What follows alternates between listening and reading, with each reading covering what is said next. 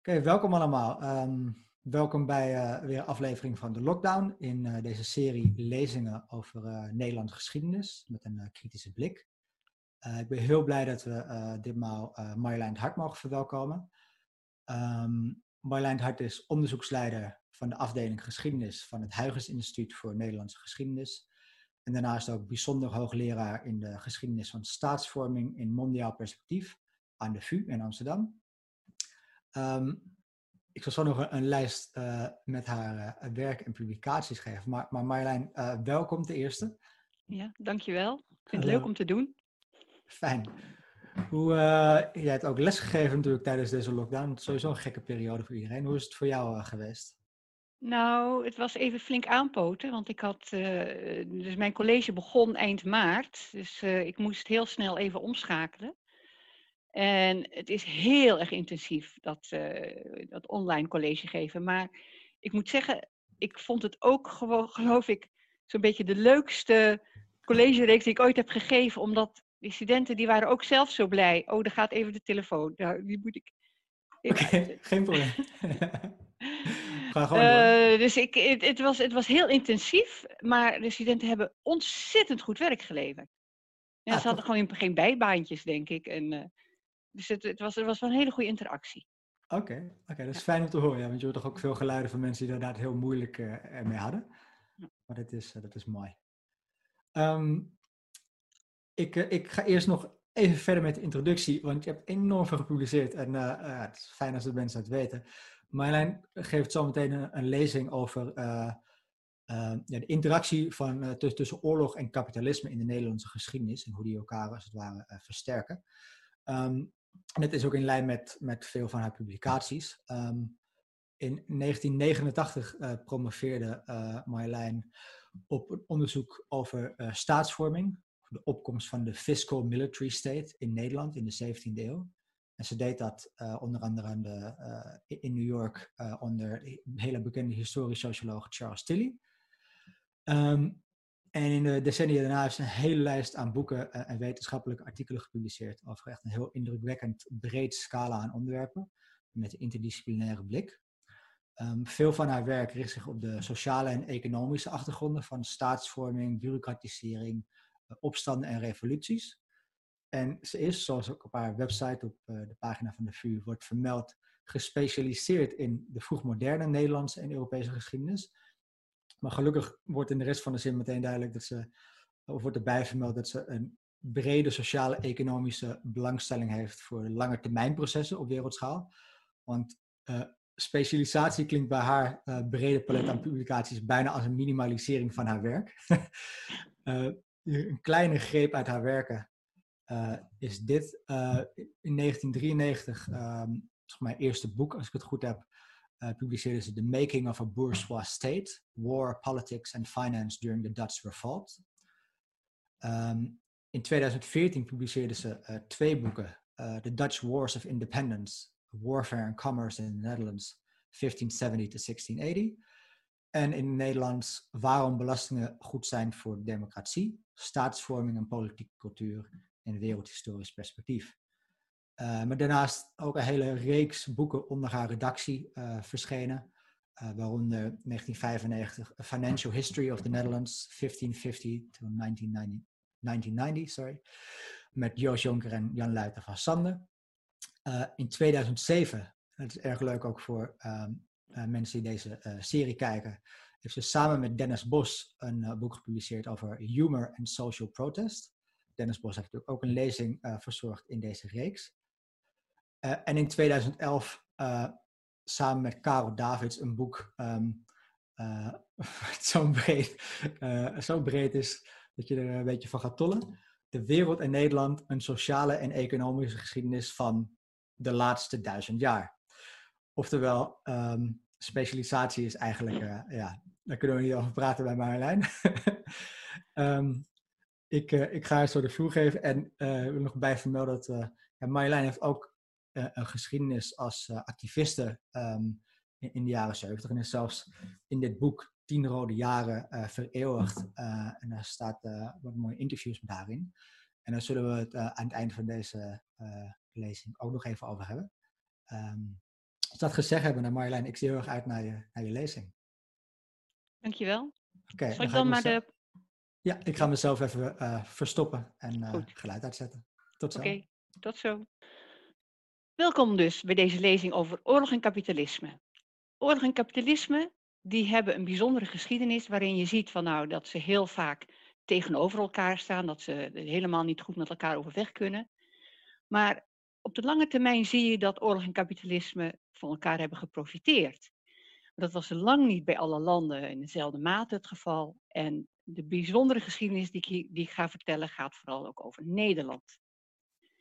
Maar ik begin eerst eventjes uh, een algemene slide om iets meer uit te leggen over kapitalisme en oorlogsgeweld. Um, want om te beginnen moeten we even goed weten wat we met kapitalisme uh, bedoelen. En daar zijn altijd definities over, maar ik gebruik deze definitie. Dat uh, dus kapitalisme is dus anders dan markteconomie of marktwerking. Want bij een markt is er sprake van goederen die je ruilt voor geld. En dan gebruik je dat geld weer om weer goederen te kopen. Uh, maar kapitalisme, dat is dat je geld gebruikt om goederen te kopen met als doel meer geld te maken. Dus daar gaat het echt om kapitaalaccumulatie. Dat er kapitaal dus verzekerd is van, uh, van het bestaan, dat, uh, dat die niet bedreigd wordt, dat geld waarde blijft houden. En daar zijn instituties voor nodig, natuurlijk banken, maar ook staatsinstellingen die zorgen dat kapitalistische constructies veiliggesteld worden oorlog, oorlogsgeweld, dat geeft altijd onzekerheid. Is altijd erg nadelig voor kapitalistische uh, constructies en voor, voor kapitalisten. Uh, ze hebben het liefst geen oorlog. Maar toch zie je dat in de geschiedenis dat het kapitalisme uh, is uitgebreid, ondanks oorlogsgeweld. En misschien ook wel dankzij oorlogsgeweld, want kapitalistische bedrijven die deden het in de loop van de geschiedenis vooral heel erg goed in de logistiek. dus het het aanleveren van, van voeding, het van kleding, het verzorgen van huisvesting, het verzorgen van vervoer. Maar ook de wapenhandel. Uh, dat, uh, ook de wapenhandel, nou ja, natuurlijk de wapenhandel. En dan moet je ook vooral weer denken aan termen als het militair-industriële complex, dat ook een hele historiografie kent, maar waar ik niet al te diep op kan ingaan. Maar Nederland die heeft een heel erg bijzondere positie in de geschiedenis ingenomen. Ik ga eerst even iets vertellen over de rol van private security companies nu. Want dat is waar mensen vooral aan denken als ik het heb over oorlog en kapitalisme. De geprivatiseerde oorlogvoering is namelijk enorm toegenomen in de jaren 1990. Daarbij werden dan strijdkrachten ingehuurd, maar vooral logistieke diensten. Want bij logistieke diensten, net als, uh, uh, net als eerder in de geschiedenis, daar profiteren veel kapitalistische bedrijven van. Een heel vroeg voorbeeld is bijvoorbeeld uh, de, de, inzet van geprivatiseerde veiligheidsmaatschappij in, in Sierra Leone, waarin een hele zwakke staat geconfronteerd werd met een burgeroorlog. En de, daar huurden ze toen het bedrijf Executive Outcomes in. En Executive Outcomes dat kwam voort uit uh, uh, de strijdkrachten van, uh, van Zuid-Afrika. zij hadden, dat, dat, was een privébedrijf geworden toen onder Mandela steeds minder plaats was voor, voor gespecialiseerde troepen die, die juist gericht waren om de apartheid te ondersteunen.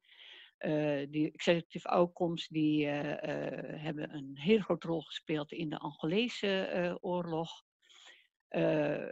Maar eh, Sierra Leone is wel het meest bekend geworden doordat die executive outcomes daar in een heel korte tijd met een vrij kleine strijdmacht, een veel grotere officiële staatsmacht, die, ja, die gewoon veel zwakker was qua logistieke structuur en, en, en trouw aan, aan, aan het commando en dergelijke.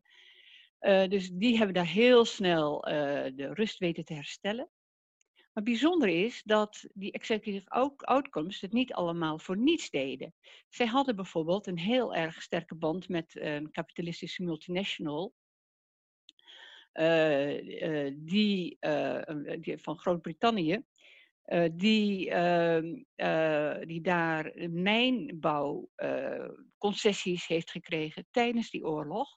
En die banden tussen die kapitalistische multinational, Brand Mining heet dat, heet die, die multinational, die heeft daar gewoon enorm van geprofiteerd. Maar die schoot dus ook het geld voor aan de executive out, outcomes strijdkrachten. Die geprivatiseerde oorlogvoering heeft een hele snelle vlucht genomen toen de Verenigde Staten private security companies uh, in uh, Irak en Afghanistan ging inhuren. In 2007 waren er bijvoorbeeld meer van die gespecialiseerde huurlingen dan gewone strijdkrachten van, van de Verenigde Staten in Irak. Dus 190.000 van, van de PSC's dan de gewone troepen. Blackwater is natuurlijk de, het bedrijf wat het meest bekend is geworden. Zij uh, raakte betrokken bij een incident in 2004 waarin uh, een viertal van Blackwater strijdkrachten het vuur opende op het plein, waardoor 17 Irakezen stierven.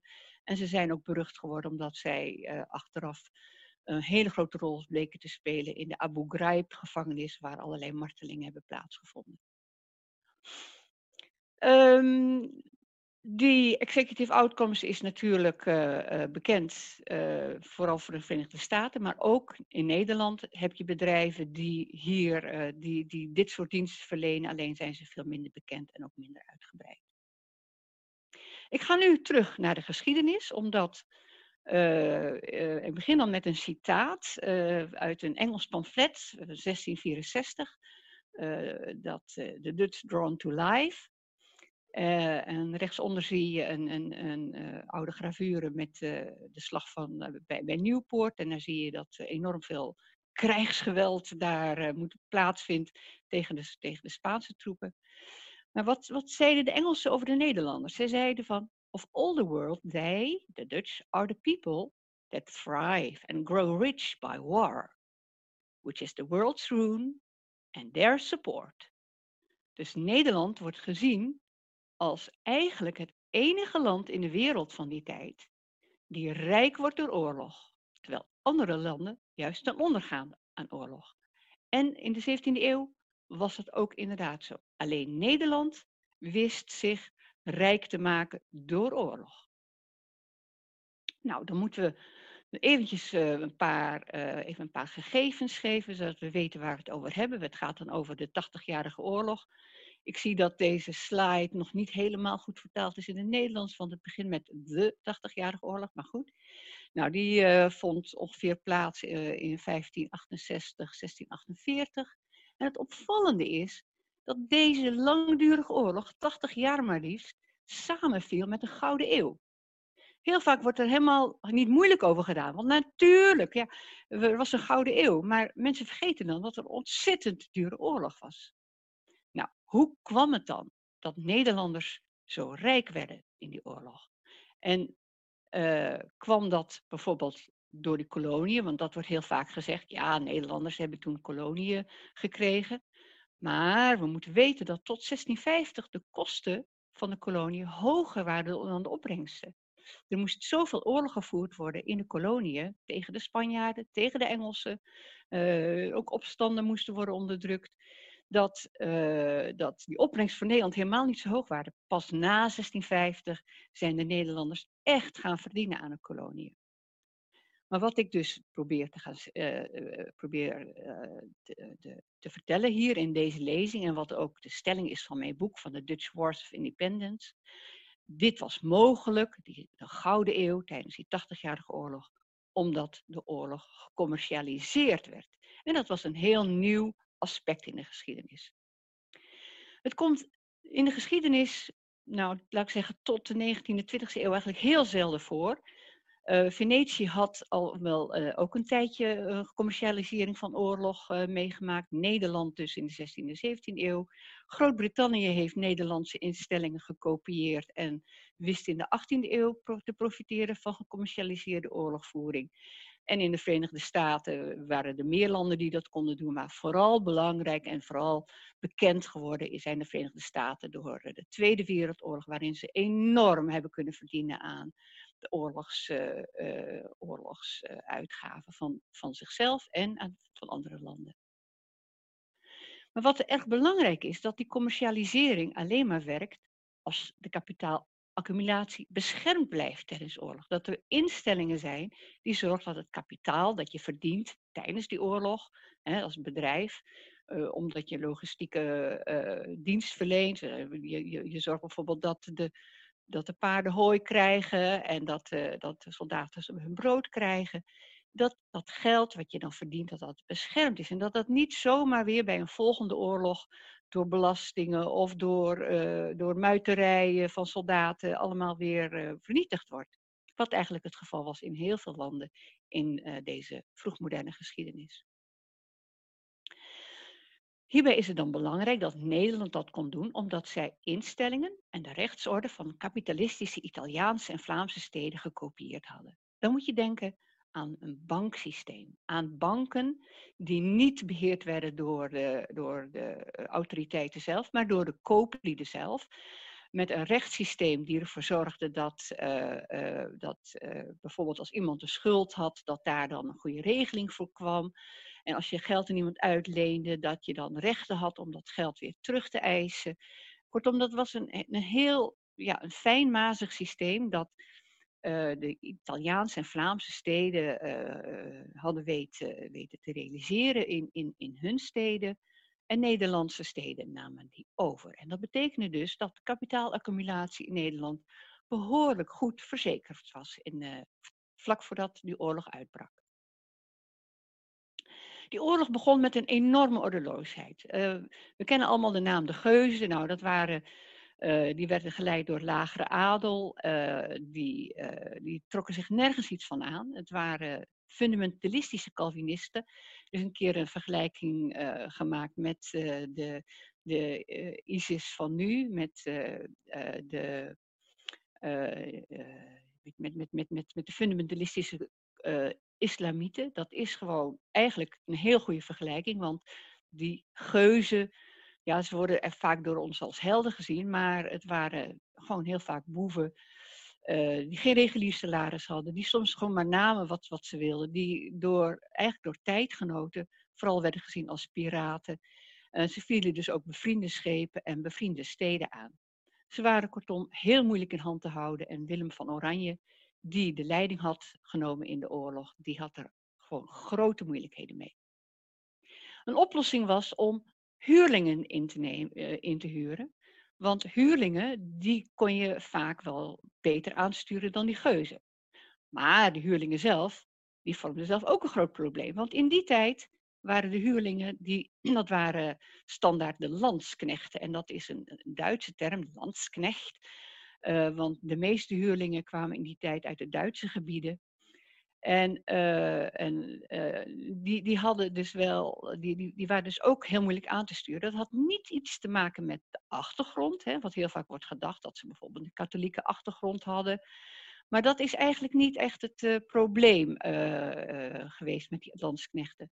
Want je hebt altijd al troepen gehad waarin verschillende religie, religies naast elkaar bestonden, waarin iedereen een heel andere taal kon spreken, waarin de etniciteit uh, grote verschillen vertoonde. Dus dat was, dat was niet het grote probleem. Het probleem was dat dit zeer ervaren, zeer trotse individuen waren. Ergens lijken ze wel een beetje op die private security companies mensen, die van de ene oorlog naar de andere reizen en die dus een hele sterke onderlinge band krijgen en die zeer goed weten van hoe je in crisissituaties uh, moet optreden.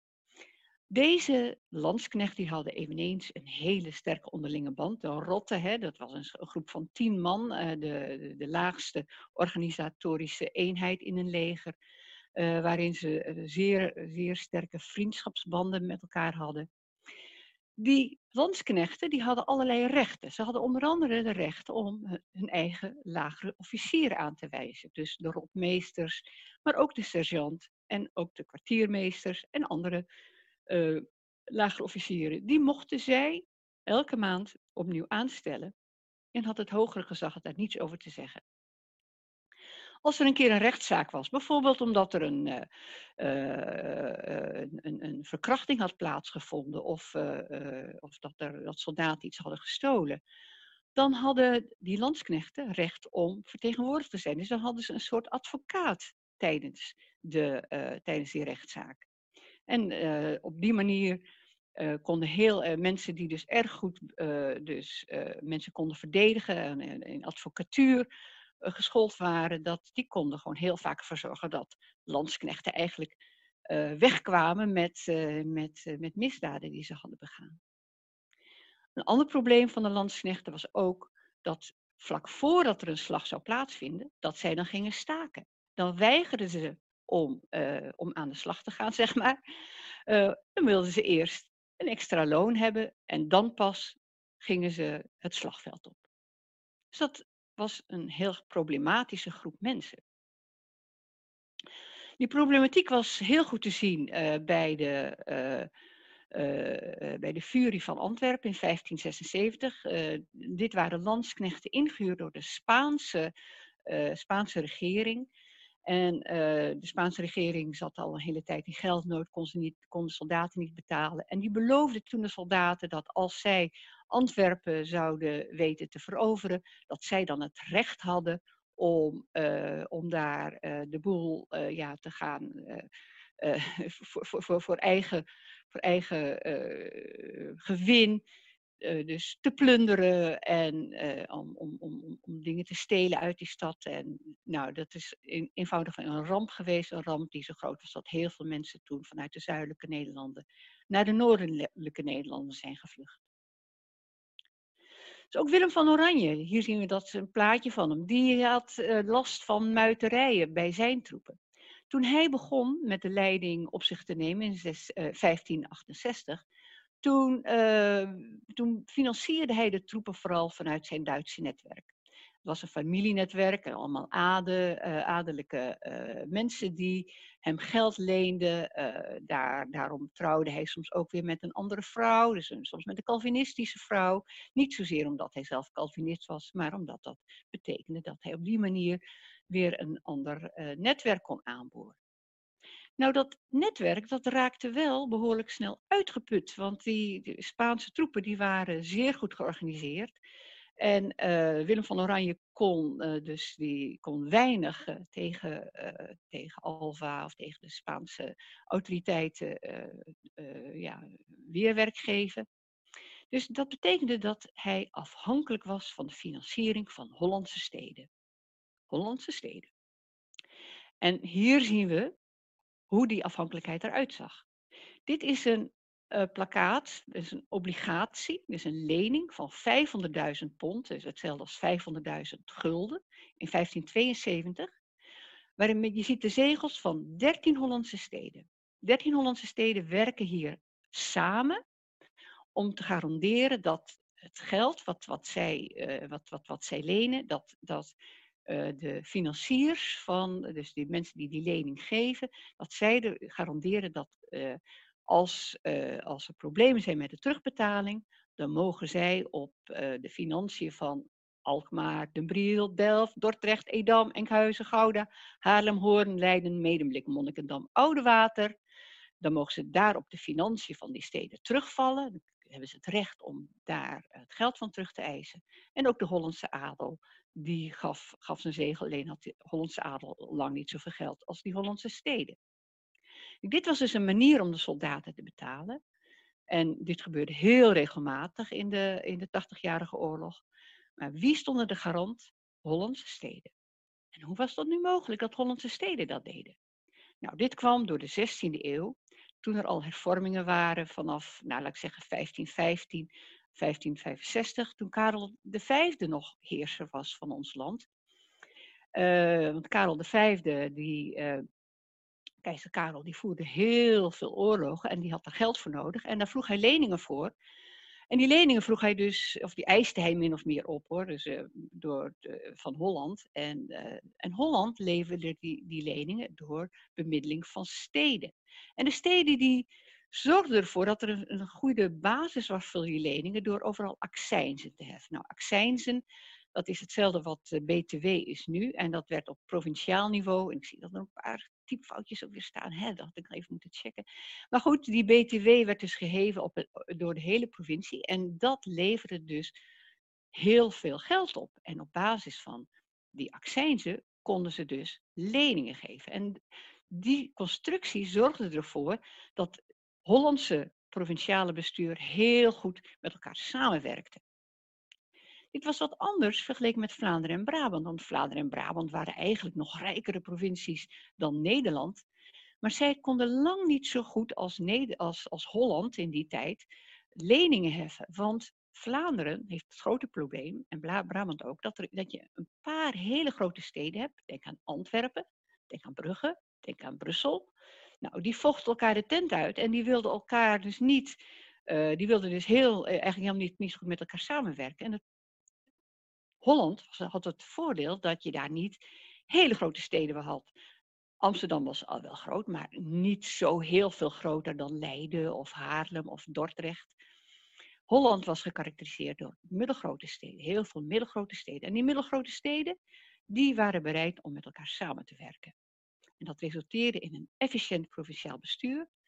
Uh, en de ontwikkeling van dat, dat zij dus zo makkelijk geld konden lenen uh, in tijden van oorlog voor uh, keizer Karel V is wel de financiële revolutie genoemd. En dat is een heel bijzondere ontwikkeling geweest in de geschiedenis, een financiële revolutie in de staat, waardoor de staatsfinanciering ineens veel meer makkelijker kreeg dan, dan daarvoor. Ze hoefden niet meteen uh, op belastingen te steunen, maar ze steunden op leningen.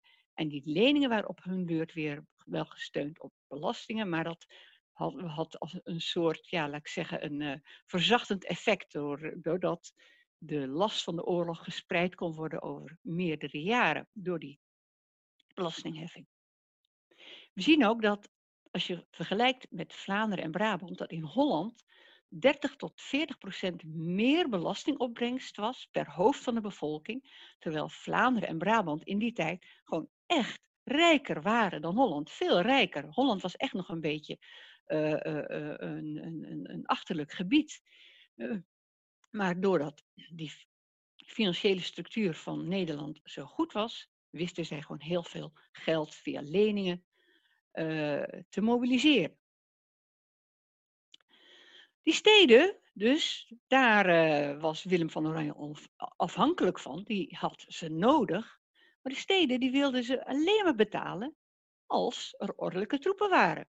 Die wilden niet betalen voor troepen met landsknechten, die niet goed te controleren waren, die zomaar ongestraft vrouwen kon verkrachten in hun steden, dat nooit een keertje zou worden bestraft. Dus Willem van Oranje, die ging hervormingen invoeren in, de, in het leger. Allereerst, Jurotmeesters, die daarvoor werden aangesteld door de landsknechten, die werden vervangen door corporaals.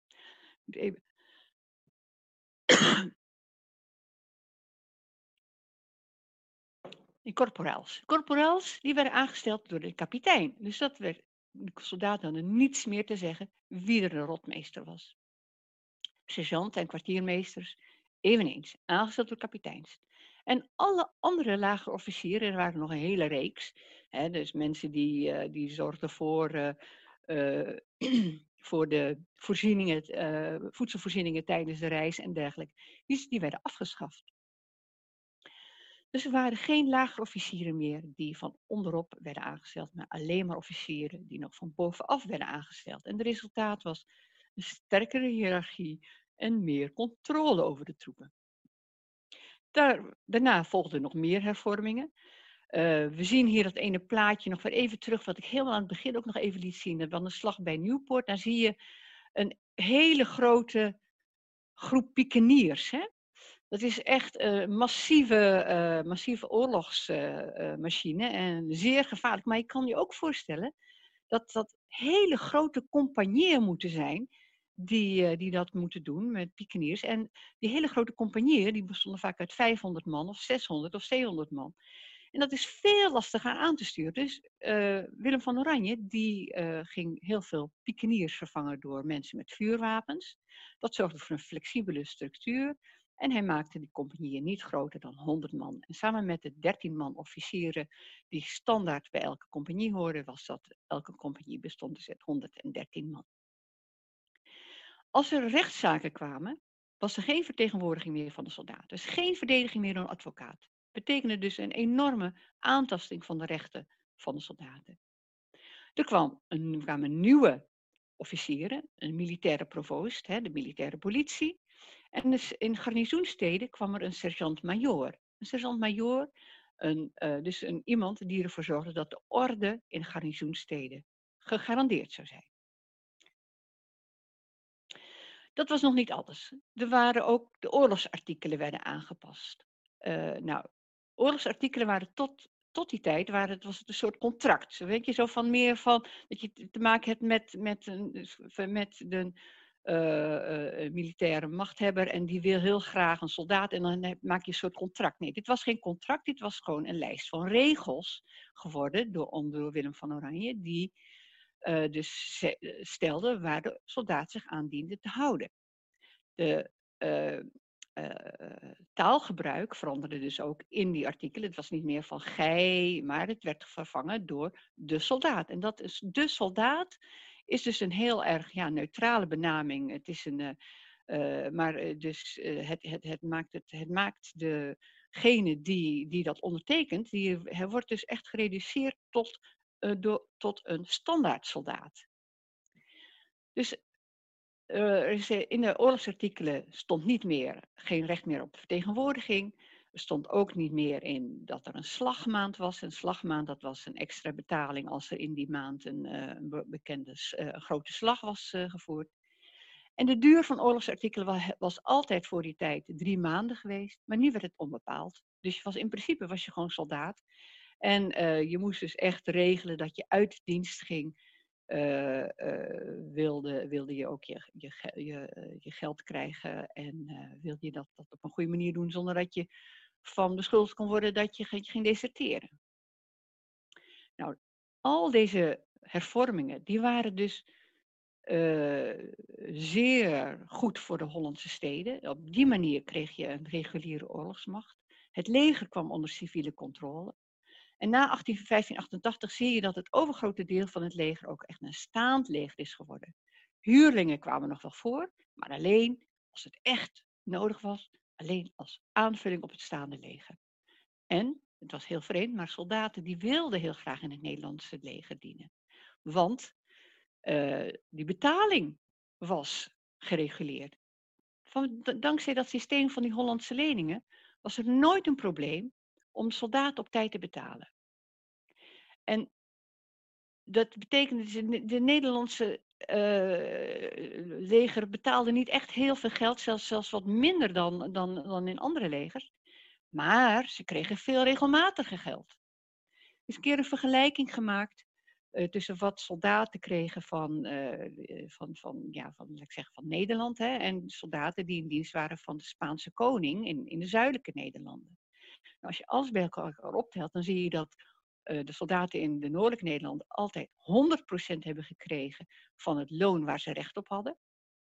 Terwijl de zuidelijke uh, soldaten in de zuidelijke Nederlanden, die dus onder de, de, Spaanse koning dienden, die hebben de facto dus altijd maar 30% van hun loon gekregen. Dus 70% kreeg ze gewoon nooit uitbetaald, omdat de staat er niet voor kon zorgen dat die soldaten op tijd geld kregen. Nou, die reguliere betaling gebeurde dus omdat de steden geld voorschoten. Uh, en dit was dus mogelijk gemaakt door het uitzonderlijk goed uh, provinciale bestuur van Holland. En ik heb het echt alleen over Holland hier. Hè, dus uh, vergeleken met andere provincies was Holland echt heel erg bijzonder in dit, in, dit opzicht. En die accijnzen die werden ook door iedereen betaald. En in andere, de, andere landen in die tijd zie je nog altijd privileges waarin mensen geen, geen accijns hoefden te betalen of geen belasting hoefden te betalen. Maar in Nederland betaalde eigenlijk iedereen belastingen, ook de stadhouder. Die soldaten, die werden echt gereduceerd tot, uh, laat ik zeggen, ja, dat waren niet meer dus de, de trotse individuele strijdkrachten. Zij moesten zelfs graafwerkzaamheden verrichten, Wat landsknechten eigenlijk nooit wilden doen, want daar, daar keken ze op neer. Dat moesten de lokale boeren maar doen. Maar de soldaten moesten nu zelf graafwerkzaamheden verrichten als zij ergens een kamp opsloegen. Ehm, de stedelijke vertegenwoordiging uh, werd ook verbeterd bij, uh, bij, bij als, als, als, als werd gekeken of, uh, of de troepen op orde waren, of, of iedereen, of, of de soldaten die er hoorden te zijn er ook waren. Daar werden, kwamen de stedelijke vertegenwoordigers bij. En die civiele controle, dus die burgerlijke controle, was dus heel groot in Nederland. En dat is vergeleken met andere landen gewoon. Nou, dat was gewoon eigenlijk niet in andere landen. Ja, wel in Venetië, maar ja, Venetië is eigenlijk een stadstaat.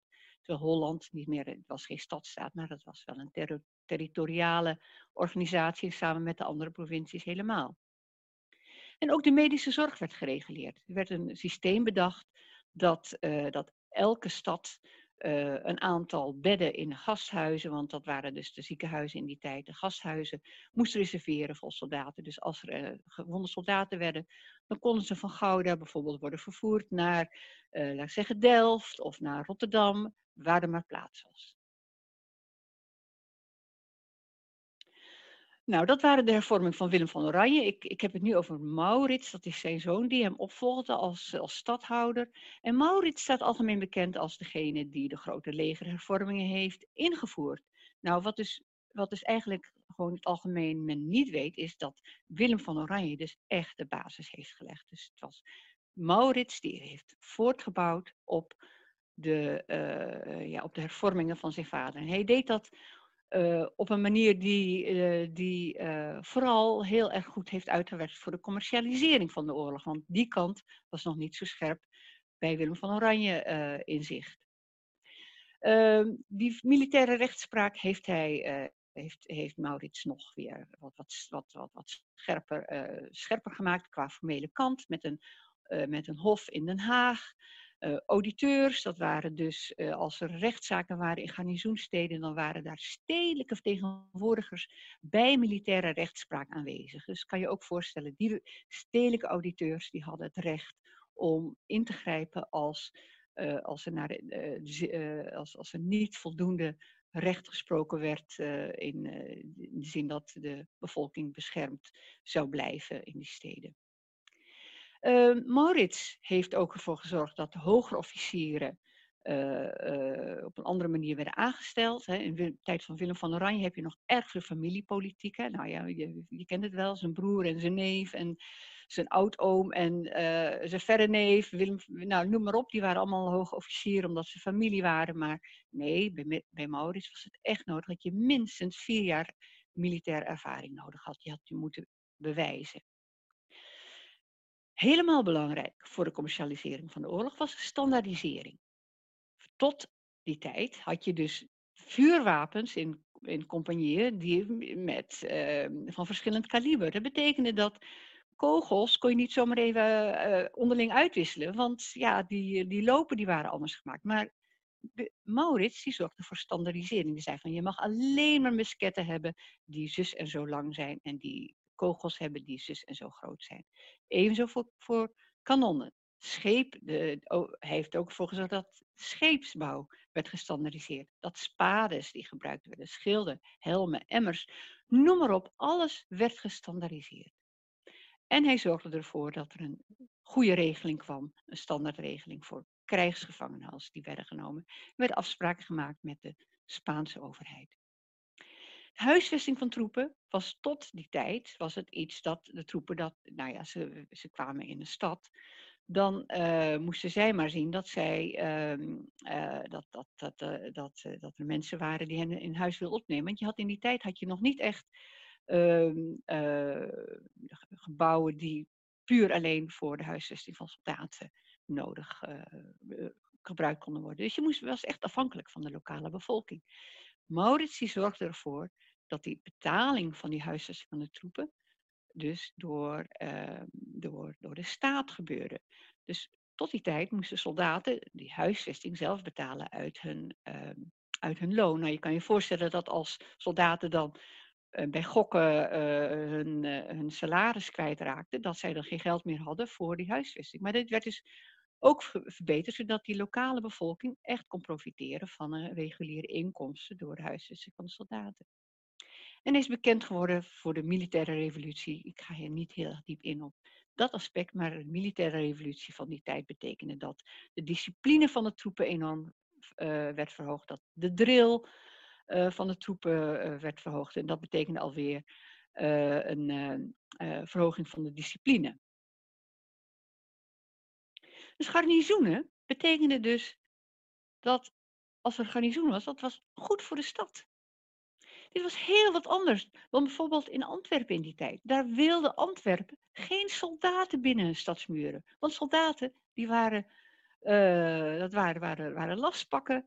Uh, die betaalden niet voor, uh, voor, voor wat ze consumeerden. Die, die, die hadden geen geld meer over aan het eind van de maand voor een huisvesting. Die, en, en, en die, die wilden dus geen soldaten binnen de stadsmuren. En Nederlandse steden, die vroegen juist om soldaten binnen de stadsmuren. Want het had allemaal voordelen. Fortificaties alleen al, dus het bouw van die vestingmuren. Hier zie je een, een, een luchtfoto van, van Naarden. Dat is, dus dat werden nieuwe, nieuwe soort van uh, fortificaties gemaakt. Nou, dat betekende dat er mensen aan het werk konden worden gesteld. Uh, gesteld. En die fortificaties werden natuurlijk goed betaald, werden regulier betaald. Het werd, uh, was, was niet zo dat die, dat die mensen werkten en dat ze dan geen loon kregen. Betaling van soldaten betekende dat soldaten betaalden voor het bier dat ze dronken. En dat bier dat ze dronken, daar zat accijns op. Dus die soldaten betaalden ook weer voor die accijnzen. Dus hoe meer soldaten in de stad, hoe meer accijnzen werd gegeven. En dat was weer goed voor het stedelijke bestuur. En mensen konden profiteren van die huisvesting van soldaten. Moet je vooral denken ook aan weduwen die zelf eigenlijk weinig inkomsten hadden maar, uh, maar die dus wel een kamer of twee kamers over hadden in de stad. En als weduwen, weduwen uh, konden profiteren van die huisvesting van die soldaten, dan deden ze weer geen beroep meer op, op de armenzorg. Dus garnizoenen waren gewoon goed voor de stad. We zien dan ook in de schilderkunst dat er, uh, dit zijn plaatjes, de Hollandse kortegaard. Het is dus een typisch Nederlands genre dat is ontstaan in de schilderkunst. Je ziet hier soldaten heel vreedzaam met elkaar kaart spelen, uh, pijpje roken, noem maar op. Een hele vreedzame constructie waarin dus burgers gewoon, en soldaten uitstekend met elkaar overweg konden. Nou, en dit is in die tijd van die 80-jarige oorlog was er eigenlijk geen andere, ander land, ja, behalve Venetië, waar dit ook het geval was. Dat was niet alles, want tijdens die oorlog ging de handel eigenlijk onverminderd door. Hoe kon dat nou eigenlijk, dat die handel onverminderd doorging? Want heel veel andere landen uh, zorgden die oorlog juist voor enorme belemmeringen.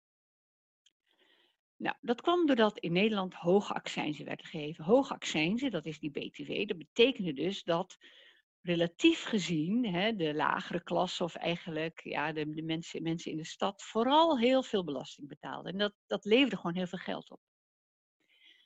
Wat dus eigenlijk helemaal haast niet werd belast, dat was de handel. De in- en uitvoerrechten was belachelijk laag. Hè. Vergeleken met andere landen betaalden Nederlandse handelaren nou, laat ik zeggen, ja, echt een fractie van wat ze betaalden in Frankrijk of, of in Engeland. Wat betekent dat Nederlandse handelaren, vergeleken met andere handelaren in Europa in die tijd, hè, die hadden gewoon een enorm voordeel. Zij konden hun goederen veel makkelijker tegen veel lagere kosten verschepen. Dus die handel die profiteerde van die betalingsstructuur die er was voor de oorlog.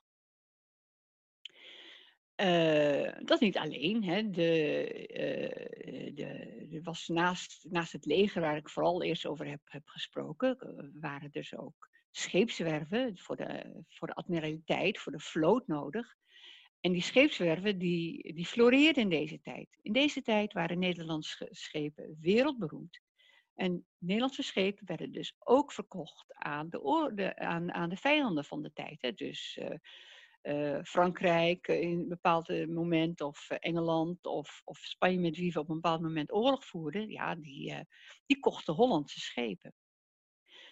Die scheepvaart en die admiraliteiten, die vloot, die ondersteunden weer de koloniale expansie. Wat natuurlijk ook niet onbelangrijk is. Ik heb wel gezegd van nou de kosten waren hoger, maar desalniettemin is Nederland binnen die koloniale expansie al wel hè, dus een duidelijke positie te verwerven. Er waren dus oorlogen, maar er was ontzettend goede bescherming van die handelsroutes. Dankzij de, die admiraliteit, uh, steden en, uh, en, en, de schepen die, uh, die de Nederlandse vloot in, in zee wist te brengen. In de Middellandse Zee, in de Oostzee, maar ook nieuwe handelsroutes. En dat alles zorgde dat steden die dus admiraliteitssteden waren, en dan vooral Amsterdam, Rotterdam, Enkhuizen, Hoorn, Middelburg, hè, dat waren de steden waar vooral, die vooral profiteerden van het uitrusten van de schepen. Die, die bloeiden enorm dankzij de uh, enorme uh, handelsactiviteiten en ja, gewoon de investeringen die nodig waren om de vloot in zee te houden. Dus in deze periode zie je dan ook een internationaal enorme expansie van de Hollandse handel. Dankzij die scheepswerven, die heel goedkoop schepen wisten te maken, dankzij de handel, waarbij de Nederlandse handelaren veel minder aan belasting betaalden dan de handelaren in andere landen. En dan heb je ook nog duidelijk oorloggerelateerde rijkdom. De wapenhandel die uh, expandeerde uh, enorm. Dat was mogelijk doordat, die de markt gestandaardiseerd was. Nou, in andere landen had je geen gestandaardiseerde musketten voor de compagnieën of het leger. Dus daar was het niet mogelijk dat, uh, laat ik zeggen, uh, ja, uh, handwerkslieden zich gingen specialiseren. Maar in Nederland, omdat precies bekend was hoe groot een musket moest zijn, of hoe groot, hoe lang de piek moest zijn en hoe lang en, en, wat voor soort helm nodig was, dan was het dus mogelijk dat de ene handwerksman uh, het voorwerk verrichten, uh, alvast de, de, de, de, top maakte van, van de piek. En dat, dat een andere uh, handwerksman dus zorgde dat voor de houten, ehm, de, de, de, de, houten handvat wat, wat, wat nodig was. Dus die specialisatie van handwerkslieden zorgde voor een enorme ik zeg, ja, productieverhoging van, van, van, wapen, van wapens in Nederland.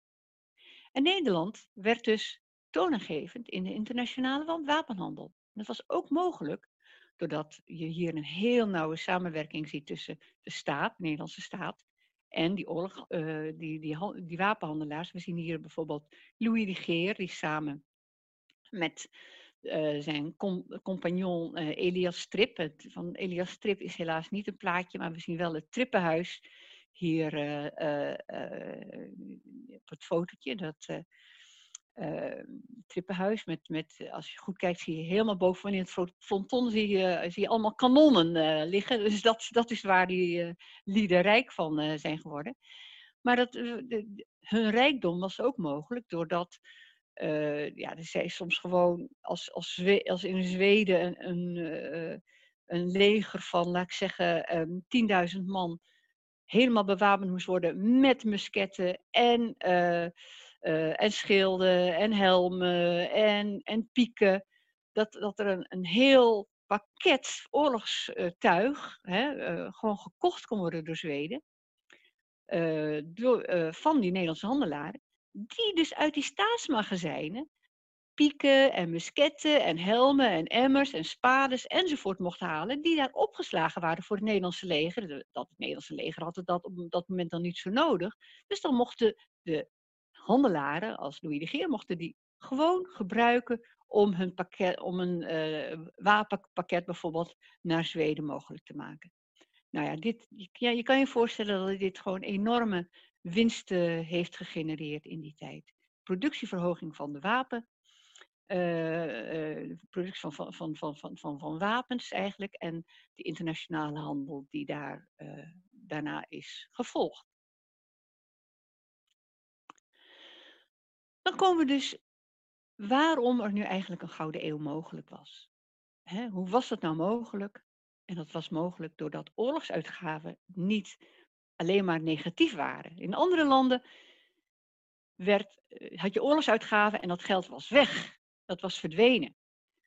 Voor het grootste deel. Maar in Nederland kwam het grootste deel van het geld wat je uitgaf van oorlog, op een of andere manier kwam dat weer terug in de economie. Het werd weer teruggepompt in de economie.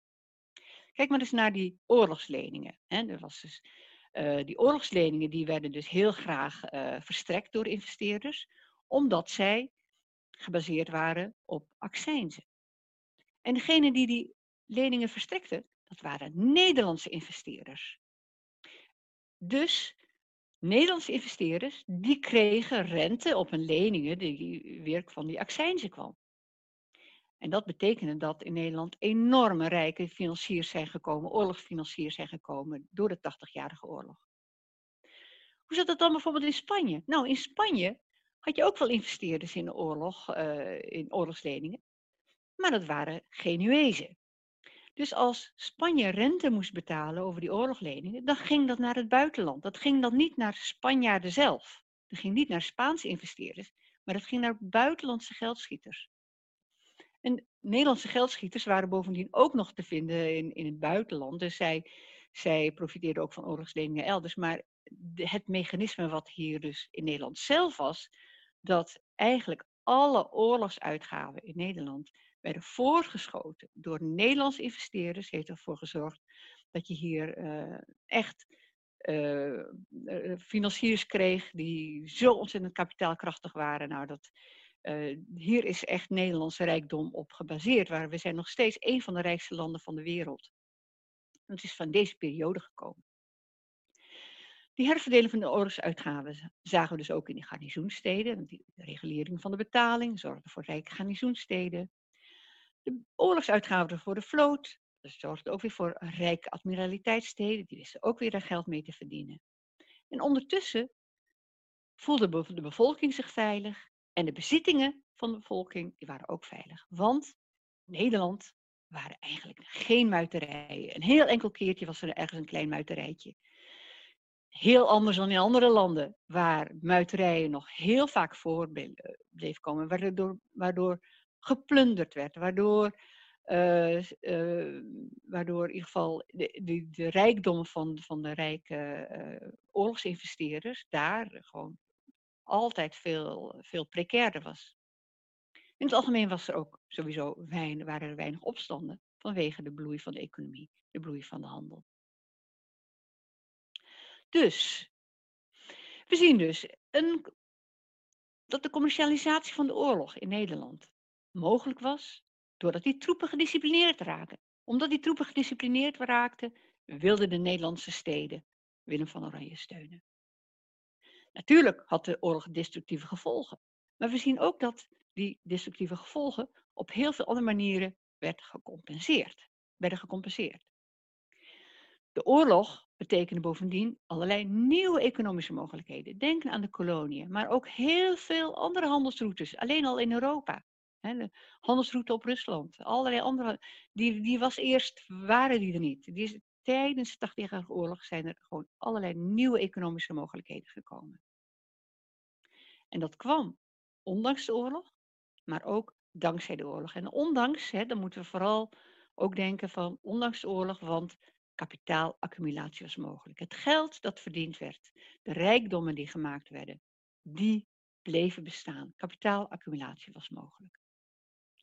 Nou, en even, dit is mijn laatste slide, want ik ga nu weer eventjes weer terug naar de, uh, uh, naar, een, uh, naar de private security companies waar ik deze lezing mee begon.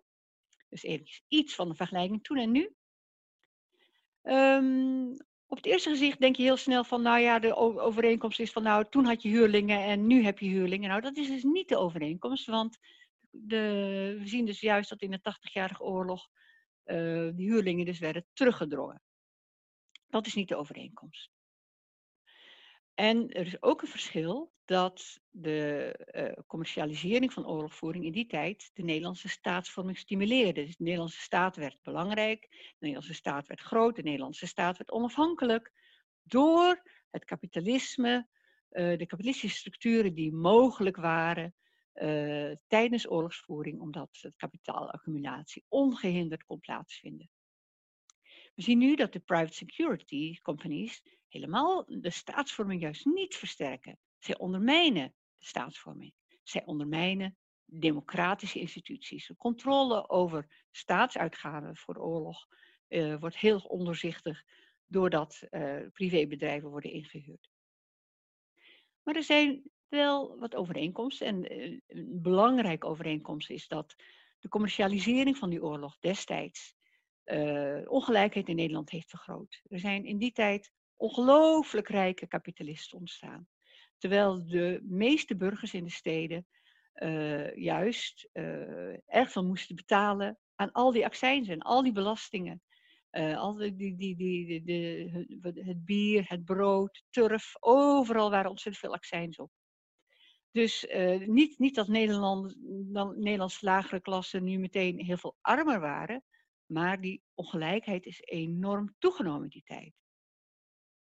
De private security companies nou, die nu die, uh, uh, die vergroten ook de ongelijkheid. Want we zien in deze periode dus dat rijke landen, of de politieke elites in die landen die, die het staatsapparaat kunnen uh, proberen te bemachtigen, en rijke bedrijven, dat zij bescherming kunnen inhuren. He, bescherming, ja, we hebben het over gehad over Sierra Leone, we hebben het gehad over, over Irak, maar je kan ook denken aan die uh, piraterij in de buurt van Somalië, wat ook een heel groot probleem is.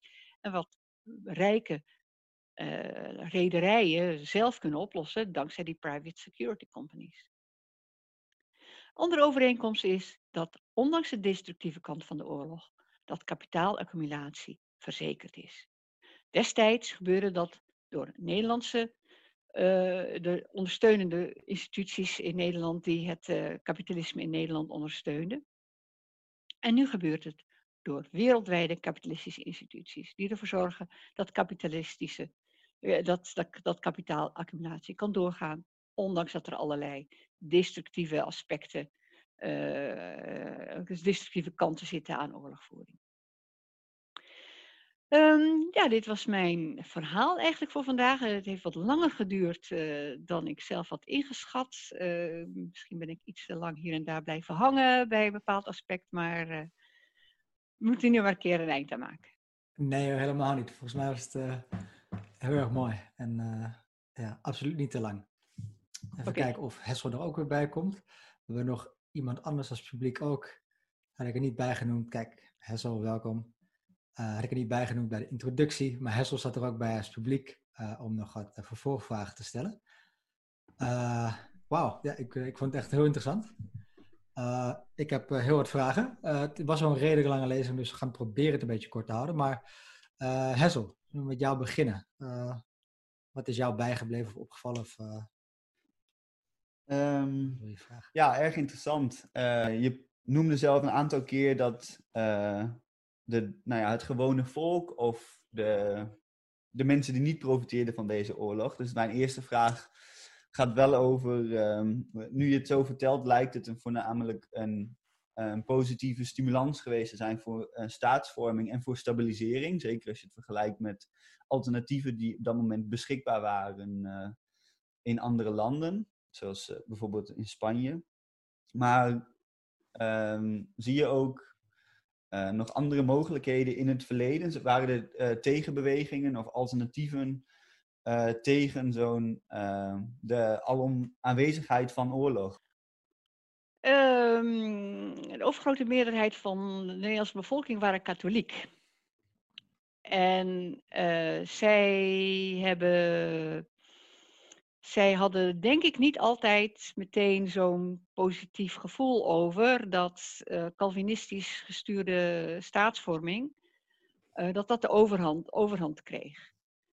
Um, dus zij hadden denk ik ook wel alternatieven voor ogen die, die zij misschien liever hadden. Maar in de praktijk wisten de katholieken zich niet zo goed te organiseren, omdat uh, ja, Nederland was heel erg gedecentraliseerd. En uh, in, in heel veel onrust of uh, ik zeggen, ontevredenheid werd eigenlijk op stedelijk niveau mm-hmm. ingedampt. En als het niet ingedampt was, dan, dan bleef het heel erg lokaal omdat in andere steden uh, dat zich veel ma minder makkelijk. Ja, het, het vers onrust verspreidde zich niet heel erg makkelijk in Nederland. Omdat ja. die, het, was, het was het was een federatie van provincies, maar binnen Holland had je gewoon ontzettend, die steden hadden ontzettend veel macht nog steeds, nog steeds op, op het gebied van rechtspraak en hoe ze allerlei dingen organiseerden. En heel veel stedelijk bestuurden die deden ook wel hun best om ervoor te zorgen dat bijvoorbeeld katholieke armenzorg ook goed georganiseerd kon worden. En dat, dat, daar, dat daar ook kansen voor waren. Dus ja, um, op, ja, dus. En er zijn natuurlijk ja, tegenbewegingen.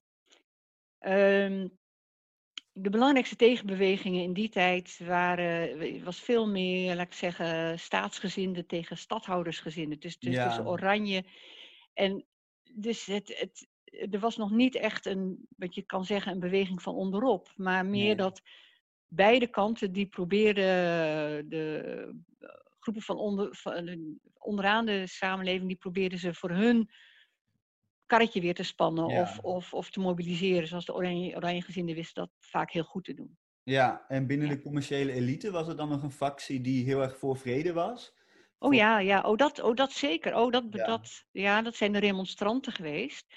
Uh, dat is uh, een, een hele rekkelijke groep Calvinisten mhm. die, uh, die niet zo dogmatisch, die, die, dat waren geen dogmatisch, het zijn een beetje vergelijkbaar met wat je tegenwoordig ook de Nederlandse hervormden zou noemen. Mm. Terwijl je de Calvinisten eh, van toen kan je vergelijken met ja, de meer de, de, de, fundamentalistische uh, gereformeerden van deze tijd. Ja, nee, die waren dus eigenlijk heel erg gericht op, op, op vrede. Die wilden dus liever ook, ook geen koloniale expansie. die wilden niet. die wilden dus liefst zo snel mogelijk vrede. Ja, nee, dat is, dat, dat is zeker waar. Ja, op, op morele gronden of ook vanuit commerciële overweging ergens? Ja, um, laat ik zeggen, ik, ik, ik, er zit altijd de ideologie van uh, vrijheid van godsdienst, een Calvinistische godsdienst in, in dat hele verhaal van die 80-jarige oorlog. Um, waarin dan wordt gezegd van um, uh, die waren gericht tegen katholieke overheersing. Die waren, dus dat, dat is eigenlijk een heel erg ideologisch verhaal. En ik, ik geloof dat zelf eigenlijk niet zo. Ik geloof dat die Calvinisten zich ook heel erg door, voor een karretje hebben laten spannen. Voor ja, groepen die juist wel die expansie wilden, die, die, juist wel de koloniale uh, macht wilden veroveren. Juist, groepen die juist wel weer Antwerpen wilden veroveren. Uh, dus ja, ik, ik, ik, zie, ik, zie, ik zie dat niet zozeer als Um, ja, dus je, je, hebt gewoon altijd die facties gehad. Maar ja, ik, ik weet echt niet zo goed of ik nou antwoord wat, wat, wat of ik nu een goed antwoord geef op je vraag eigenlijk. Ik heb wel een vraag die daar een beetje op aansluit, misschien nog, nog wat breder trekt, als het goed is, Hessel.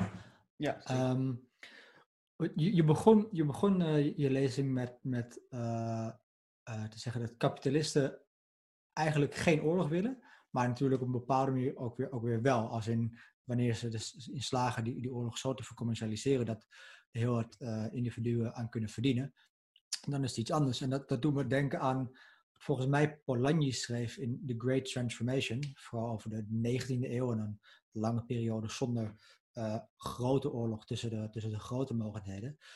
Dat door de macht van de, van de financiers um, eigenlijk oorlog tussen de, de grootste machten werd voorkomen. Uh, hoewel ze wel vaak voorstander waren van oorlog tussen de, de kleinere machten of, oorlog van een grote tegen een kleine macht of koloniale oorlog, omdat ze daar heel veel aan konden verdienen. Maar een, een grote wereldoorlog zou te destructief zijn, zodat ook voor de Eerste Wereldoorlog veel van die financiers nog proberen met mannenmacht dat te voorkomen. Maar uiteindelijk dat toch een, soort, de Eerste Wereldoorlog een soort culminatie is van um, die, die belangen uh, en, en de contradicties daarin. Um, en uh, ja, zie je dat ook, ook daarin terug? Hoe, hoe zou je dat terug reflecteren naar, naar die periode? Ja, nou, ik, ik denk dat uh, uh, van kapitalisme kan je één ding zeggen, dat, dat is, niet, dat is geen eens, eensgezinde mening van wat goed is en wat slecht is. Uh, je hebt altijd mensen die, gehad die, uh, die dus juist uh, alleen maar ontzettend geprofiteerd hebben van de oorlog. Je hebt ook gewoon kapitalisten gehad die er gewoon aan onderdoor zijn gegaan. Omdat uh, ja, om, om, om dat, ik zeg maar eventjes, de, de handelaren op Keulen, die hebben gewoon enorm verloren. En dat waren ook allemaal kapitalisten, in, die mm. woonden in Deventer. Dus Nou, er is ook een strijd tussen verschillende kapitalistische fracties zeker, onderling, die elkaar ja. proberen weg te spelen juist. Ja, ja, dus de Groningse kapitalisten en de Deventerse kapitalisten, die hebben gewoon verloren. En de Hollandse kapitalisten, die hebben, he- die hebben gewonnen. Dus eigenlijk, de, de 80-jarige oorlog is echt in het voordeel van de Hollandse steden, van de Hollandse kapitalistische structuur eh, geweest. Ja, interessant. Ja, Eén ding wat me ook opviel, wat je, wat je zei, ik, deed maar aan iets anders denken, was het belang van eh, standaardisering Mhm. eh, voor de commercialisering van, van oorlog. En zorgt die standaardisering ook in die periode al voor dat ehm, de winsten veel meer in handen van, van kleinere groepen komen? Ik, kan me ik, ik, ik denk zelf aan een voorbeeld uit een boek dat ik nu aan het lezen ben ehm, van Pamela Haak, The Gunning of America, over ehm, de creatie en opkomst van een, eh, van een, wapencultuur in de Verenigde Staten. En die heeft over begin 19e eeuw, dus een veel latere periode, waarin figuren als Colt en eh, andere later zeer bekende eh, wapenhandelaren of, of producenten hun wapens aan de straatsteden niet kwijt konden. Ehm, totdat de staat uiteindelijk eh, erin stapt en, en kiest voor hun eh, wapens die op, eh, via een automatiseringsproces worden geproduceerd. Daar is dan heel veel tegenstand tegen vanuit de onafhankelijke wapenmakers. Waarbij toen ook het probleem speelde, wat dus in Nederland een paar eeuwen daarvoor ook speelde, dat ja, die totaal niet op elkaar aansluiten. Maar zodra dat wel helemaal gebeurt, dan worden die eigenlijk allemaal weggevaagd. En die paar producenten die worden gekozen, die krijgen al dat kapitaal. Is, is, is, is dat een heel belangrijk onderdeel van, van die ja, creatie, cre- cre- eh, creëren van die ongelijkheid? En, Ja. Dus is een mooi, mooi voorbeeld wat je geeft, dat, dat kende ik niet, maar dat, dat zie je wel. Je ziet gewoon dus handelaren als Louis de Geer of Elias Strip, die worden zo, die, die, die gaan, gaan het enorm domineren. En net zo goed als eh, mensen die, die, die leningen verschaffen, daar zie je ook gewoon mensen die zich daar echt helemaal op gaan specialiseren. Je ziet, Mhm. eh, er is vaak het verhaal van Nederland. Nederlandse eh, eh, staat wordt niet meer bestuurd door kooplieden, maar door nou ja, renteniers. Maar het zijn vooral financiers. Het zijn vooral mensen die investeren in oorlog. En, eh, er, zijn, er zijn hele goede analyses ook van, van, eh, Johan de, eh, van Jan de Vries verschenen over kapitaal in Nederland. Dat in 1670 er al zoveel geld bij een relatief kleine groep mensen was, dat zij niet meer wisten met wat, Ja. met, wat ze met dat geld moesten doen. 1670 al. Hm. Dus ja, dat, dat is. Dus die ongelijkheid binnen die kapita- ik denk ook binnen de kapitalistische groep zal ook enorm zijn toegenomen. Ja, je hebben te weinig gegevens daarover, maar dat, dat, dat kan haast niet anders zijn. Dus ze, ze, ze, dat geld, ze kregen, ze kregen altijd kregen ze de rente betaald. Het was nergens anders was dat zo. Dus het was zo'n veilige investering. En, het- dus ja, nou, ook in, in, die, in die wapenhandel zie je dus dat, eh, dat er bemiddelaars zijn die zorgen dat die handwerkslieden dus met elkaar in contact eh, raken. En, eh, en dat dat, dat dus, dus ook schaalvergroting betekent van nou, je, hoeft maar met één tussenpersoon te onderhandelen. En daarvoor moest je onderhandelen met verschillende ha- eh, handwerkslieden. En dat, dat zal natuurlijk ook gevolgen hebben gehad voor, voor, voor die, eh, voor, voor, voor, voor die bedrijfsvoering. Al, heb ik daar niet echt, niet echt zicht op, maar dat, dat vermoed ik wel. Dat dat zo zal zijn gegaan. Heb jij, heb jij nog vragen? Ik heb nog één Ehm, vraag. Maar... Nou, ik was wel benieuwd naar ehm, of dit met het eind van de eh, Nederlandse opstand in 1648, of dit dan afnam en in hoeverre die eh, ja, Nederland een rol is blijven spelen na die tijd in het financieren van oorlog buitenaf en zo. Toen nou ja, heeft Nederland natuurlijk alsnog grote oorlogen tegen Engeland gevoerd. Nou ja, met 1672, het rampjaar dat eigenlijk duidelijk werd dat Nederland niet meer op kon boksen tegen eh, buitenlandse machten. Is de rol van Nederland toen ook veranderd? Toen ze een stapje terugzetten van het wereldtoneel? Of is eigenlijk het financieren en het geld binnenhalen door oorlog op eenzelfde voet doorgegaan? Nou, dat laatste. Eh, geld binnenhalen door oorlog eh, was dan niet zozeer oorlog in eigen land, maar ook oorlog in het buitenland, waarin ehm, ja, iedereen wist altijd wel Nederlandse investeerders te vinden in die tijd. En uh, Nederlandse kapitalisten die, uh, die spreiden hun risico's. Uh, die, die hadden ontzettend goede informatiestructuur via Amsterdam. Dus Nederland die bleef profiteren van, Nederlandse kapitalisten bleef profiteren van, ehm, van, van, die oor, van, van oorlog. Maar voor de Nederlandse staat zelf, hè, die, die ontwikkelde zich niet verder. Die bleef hangen in die laat ik zeggen, federale structuur. En uh, andere landen gingen dus ja. instellingen van Nederland overnemen. En dan heeft Engeland had dan zo'n schaalvoordeel boven Nederland. Dus als, als Engeland ging standaardiseren, dat, dan heb je meteen te maken met een veel grotere markt, een veel grotere productiecapaciteit. Um, dus uh, Nederland die, die verloor wel de eerste plaats daarin uh, in, in de wapenhandel. En uh, prof, kunnen profiteren van internationale handel. Dat, dat, dat, dat, ging, dat, ging steeds, dat, dat, dat werd steeds minder, omdat ja, we, waren, we waren niet meer de enige die dat deden. Maar heel veel Nederlandse instituties zijn eigenlijk gewoon overgenomen door Engeland. Ja. En toen hebben ook andere landen het weer van Engeland overgenomen. Ja. ja. Nou ja, dit doet me wel allemaal denken. Je noemde het in het woord uh, zwarte bladzijde in de geschiedenis, wat vaak dan over, uh, uh, over slavernij over kolonialisme wordt gezegd. En ehm, nou ja, ik moest wel een beetje denken aan de VOC-mentaliteit die Balkenende ooit noemde als roemenswaardig, dat we daar naar terug zou moeten. En dit past wat mij betreft wel heel erg in het plaatje van een Nederlandse handelsgeest, wat zo intiem verbonden is met, een, met het financieren van nou ja, toch wat uiteindelijk wel op, groot schaal, op grote schaal een nou ja, uh, leed is voor, uh, voor normale mensen in heel veel landen. En nou ja, met de discussie die daar de laatste jaren over, over heerst, over wat Nederland precies is en welke, wat, nou ja, wat goed en fout is geweest in onze geschiedenis, is dit toch wel een, iets wat vaak sterk onderbelicht blijft. Dat we zo'n ja. Uh, onze rijkdom in die tijd zo uh, fundamenteel uh, gebouwd was op, op dit soort praktijken. Op oorlogsgeweld, ja. Ja. ja. ja. ja. ik heb eigenlijk nog, nog wel heel wat vragen, maar dan wordt het heel erg lang. En ik vind het eigenlijk wel een mooie besluitende reflectie van, van Hessel. Um, dus misschien kunnen we alleen nog een, een stukje wijden aan wat we in het begin al noemden. Ja, jouw uh, ja, jouw persoonlijke verhaal, om het zo te zeggen. Um, ik, uh, in, in het boek, ik heb het net al even genoemd, Tien Rode Jaren van uh, Antoine Verbij, over de jaren 70. Nu valt net een briefje ertussen uit, waar ik het tussen, tussen had gedaan.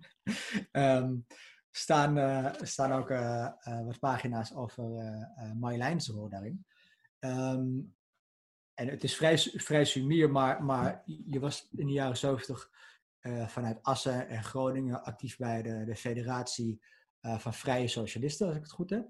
Ja. Daar, daarbinnen uh, bij de, de Rode Hulp, organisatie voor de ondersteuning van politieke gevangenen wereldwijd, maar al snel met de focus op, op gevangenen vanuit Duitsland, onder andere de, de, de RAF. en dat was zowel een bovengrondse als ondergrondse organisatie.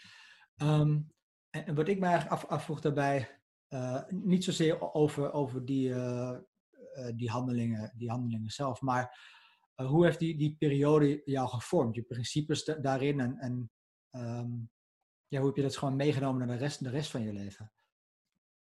Of, hoe is die overgang gegaan misschien wel? Want uiteindelijk ja. ben je er ook uitgerold. Ja, laat ik zeggen, ik, ik, ik ben er ook wel uit, langzamerhand uitgerold, omdat um, bepaalde organisatorische principes die, die ook weer te maken hadden met, nou laat ik zeggen, die rode hulp, met de uh, RAF, waarin dus sommige dingen in het geheim moesten gebeuren. Hè, uh, kreeg je minder contact met elkaar, want je mocht elkaars naam niet meer weten op een bepaald moment. En dat, waren, dat was een, een overgang Uh, waar als dan ja, de groep mensen met, met wie je dan wel direct omging en, en als daar ook weer iemand uit wegviel, weet je wel, die, het, het, het bloeden, voor mij bloedde het dood, hè, dus om het zo maar eens te zeggen. Um, uh, maar ik, ik, heb, uh, ik heb eigenlijk die ideeën, die zijn voor mij nog steeds belangrijk, want bijvoorbeeld mijn, mijn proefschrift over staatsvorming, die, de vraag die ik daar eigenlijk stelde uh, is: waarom, waar, waarom gehoorzamen mensen een staat? Hè? Hoe kan het dat er een uh, instelling is, een autoritaire structuur, waar mensen zeggen van ja, dat moeten we doen? Hè? Uh, met als extreem voorbeeld natuurlijk folteraars in, in Nazi-Duitsland. Van nou ja, we, we, we, moesten, we moesten iets doen. Nou, dat is dan het meest extreme voorbeeld. Maar waarom, hoe kan dat nou? Dat, dat mensen dat, dat accepteren. En um, uh, voor mij is, is dan die financiële geschiedenis is, um, is, is eigenlijk een heel handige manier om, om te zien van wanneer mensen dat gingen doen. Dat is namelijk als zij uh, accepteren om belastingen te betalen. En als zij dat belasting betalen zonder, zonder al te veel problemen. Dus in, in Nederland was het zo dat kapitalisten juist heel graag in de hoogste categorie aangeslagen wilden worden. Uh, omdat dat uh, voordelen gaf bij, uh, bij leningen. Dus ze werden dus als, als zeer kredietwaardig gezien. Dus mm. mensen met geld die waren ook bereid om, om geld te betalen. Als, als, als, want je, je had in die tijd had je nog geen Kamer van Koophandel die kon zeggen, nou die is betrouwbaar of niet. dus ja, dat, dat automatisme van nou, we betalen belasting, dus de, en dan, dan moet de staat ook iets terug doen. Die, die zorgt voor je veiligheid en die zorgt voor armenzorg.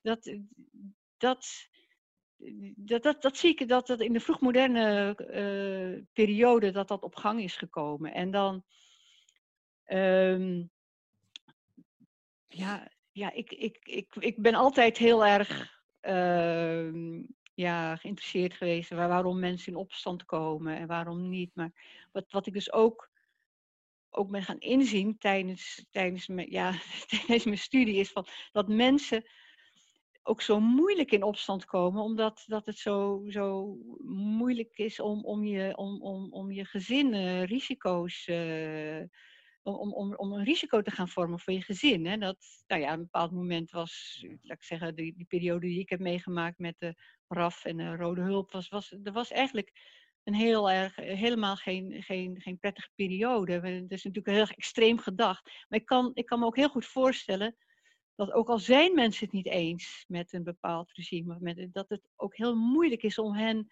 in opstand te krijgen. En dat, um, dus dat heb ik ook altijd, dat heb ik ook altijd wel interessant gevonden van, nou waarom, van, van, van, van ja, niet, niet alleen waarom komen mensen in opstand, maar waarom komen mensen ook niet in opstand. En, uh, ja, ik en, denk zelf. Uh, ja. Zelf in Nederland dat het ook heel interessant is rond 1900, van waarom de socialistische beweging uh, dan snel toeneigt naar sociaaldemocratie, is tegelijkertijd met dat de Nederlandse staat uh, begint te investeren in, uh, in goede wet, nou ja, een progressieve wetgeving. Terwijl, nou ja, een onderwerp wat ik dan meer bestudeerd heb, uh, Spaanse anarchisme, daar zie je gewoon een Spaanse staat die continu blijft weigeren om iets toe te geven met een, met een elite die zo ver verwijderd is van het volk, dat het, het volk blijft radicaliseren. Doordat er vrijwel geen beschermende wetten worden ingevoerd, de acht uur werkdag gewoon nooit op de agenda wordt gezet en zo. Dus ja, ik, ik herken dat wel heel erg wat je zegt. Dat opgroeien in een land waar het zo normaal is voor mensen om zo geïnvesteerd te zijn in, uh, in een staat. Dat is erg interessant uh, ja, hoe dat is gegroeid. En ik vind jouw verklaring voor bijvoorbeeld soldaten en uh, hoeveel beter zij het kregen nadat ze zekerheid hadden verkregen, vind ik, ja, vind ik dan erg interessant moment in de, in de vroegmoderne geschiedenis van staat die doorheeft dat investeren in zekerheid, dat dat mensen aan zich bindt. Ja. Ja, eigenlijk heb je mijn volgende vraag ook al beantwoord, namelijk hoe, ja, hoe je dit inderdaad meeneemt in de, in de rest van je leven en, en je werk. En ja, in je werk heb je denk ik altijd een hele kritische blik uh, behouden. Uh, heb je daar zelf de afgelopen uh, jaren of decennia, waar je misschien niet heel erg verbonden bent uh, aan het activisme zelf, maar, maar nog over gereflecteerd hoe je je eigen rol daarin ziet. Want ik weet, de nieuwe generaties activisten weten jou toch altijd wel een beetje te vinden. Uh, je hebt onder andere de scriptie begeleid van Pepijn Brandon, die later in deze serie ook nog een, een lezing zal geven. Um, je hebt mij kort begeleid aan, aan de UvA. Um, en ik ken nog andere voorbeelden. Heb je daar, hoe zie je dat zelf? Uh, ja, ik, ik blijf. Um, ik, ik, wat, wat, wat, wat ik in de loop van de tijd heb verbeterd is het globalisering uh, aspect, het internationale aspect van ongelijkheid en uh, staatsvorming. En, maar, dus ik, ik geef nu al een tijdje college States and Empires in the Globalizing World van 1550 tot, tot nu uh, aan de Vrije Universiteit.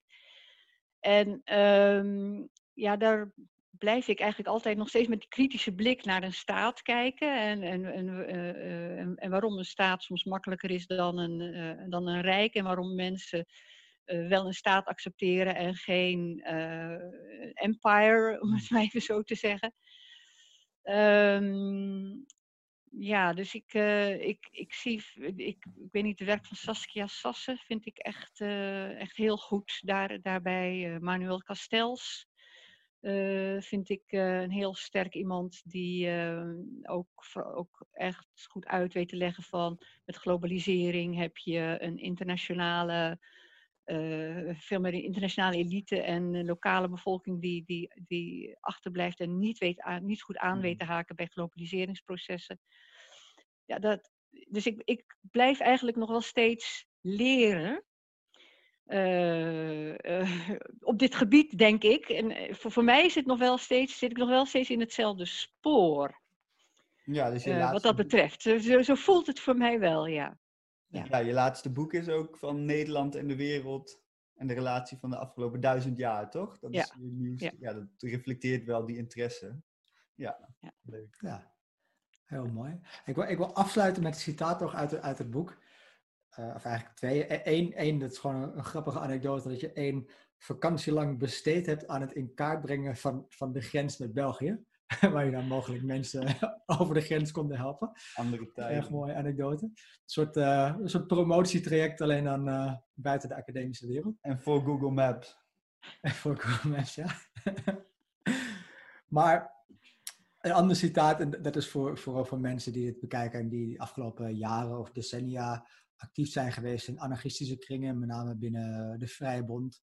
Uh, mooi dat je, dat je een citaat hebt over uh, Jan Barefoots, iemand die, die ja, mensen in deze kringen toch nog steeds bekend is en nog steeds gewoon zijn ding doet. En het citaat is ook nog steeds heel herkenbaar. Ehm, je zei over de, de federatie, de federatie van Vrije Socialisten, was en bleef een beetje een slap en ongedisciplineerd zooitje. Al had ik wel bewondering voor zo iemand als Jan Barefoots, de internationaal secretaris die telkens weer als bemiddelaar optrad tussen verschillende personen. Een aardige man, archivaris in Den Haag. Tussen de spullen die hij archiveerde had hij het anarchistische archief verstopt. en volgens mij is hij dat uh, heel lang blijven doen. En ook nu nog steeds is hij uh, uh, ja, op dezelfde manier bezig. Dat vond ik heel mooi om te zien jou heel erg bedankt Marjolein. Uh, ja? Echt heel informatief en uh, heel leuk ook. Ja. Oké, okay. okay. goed. Hartelijk dank je. Graag gedaan. Oké, okay. tot ziens. Tot ziens. Doeg.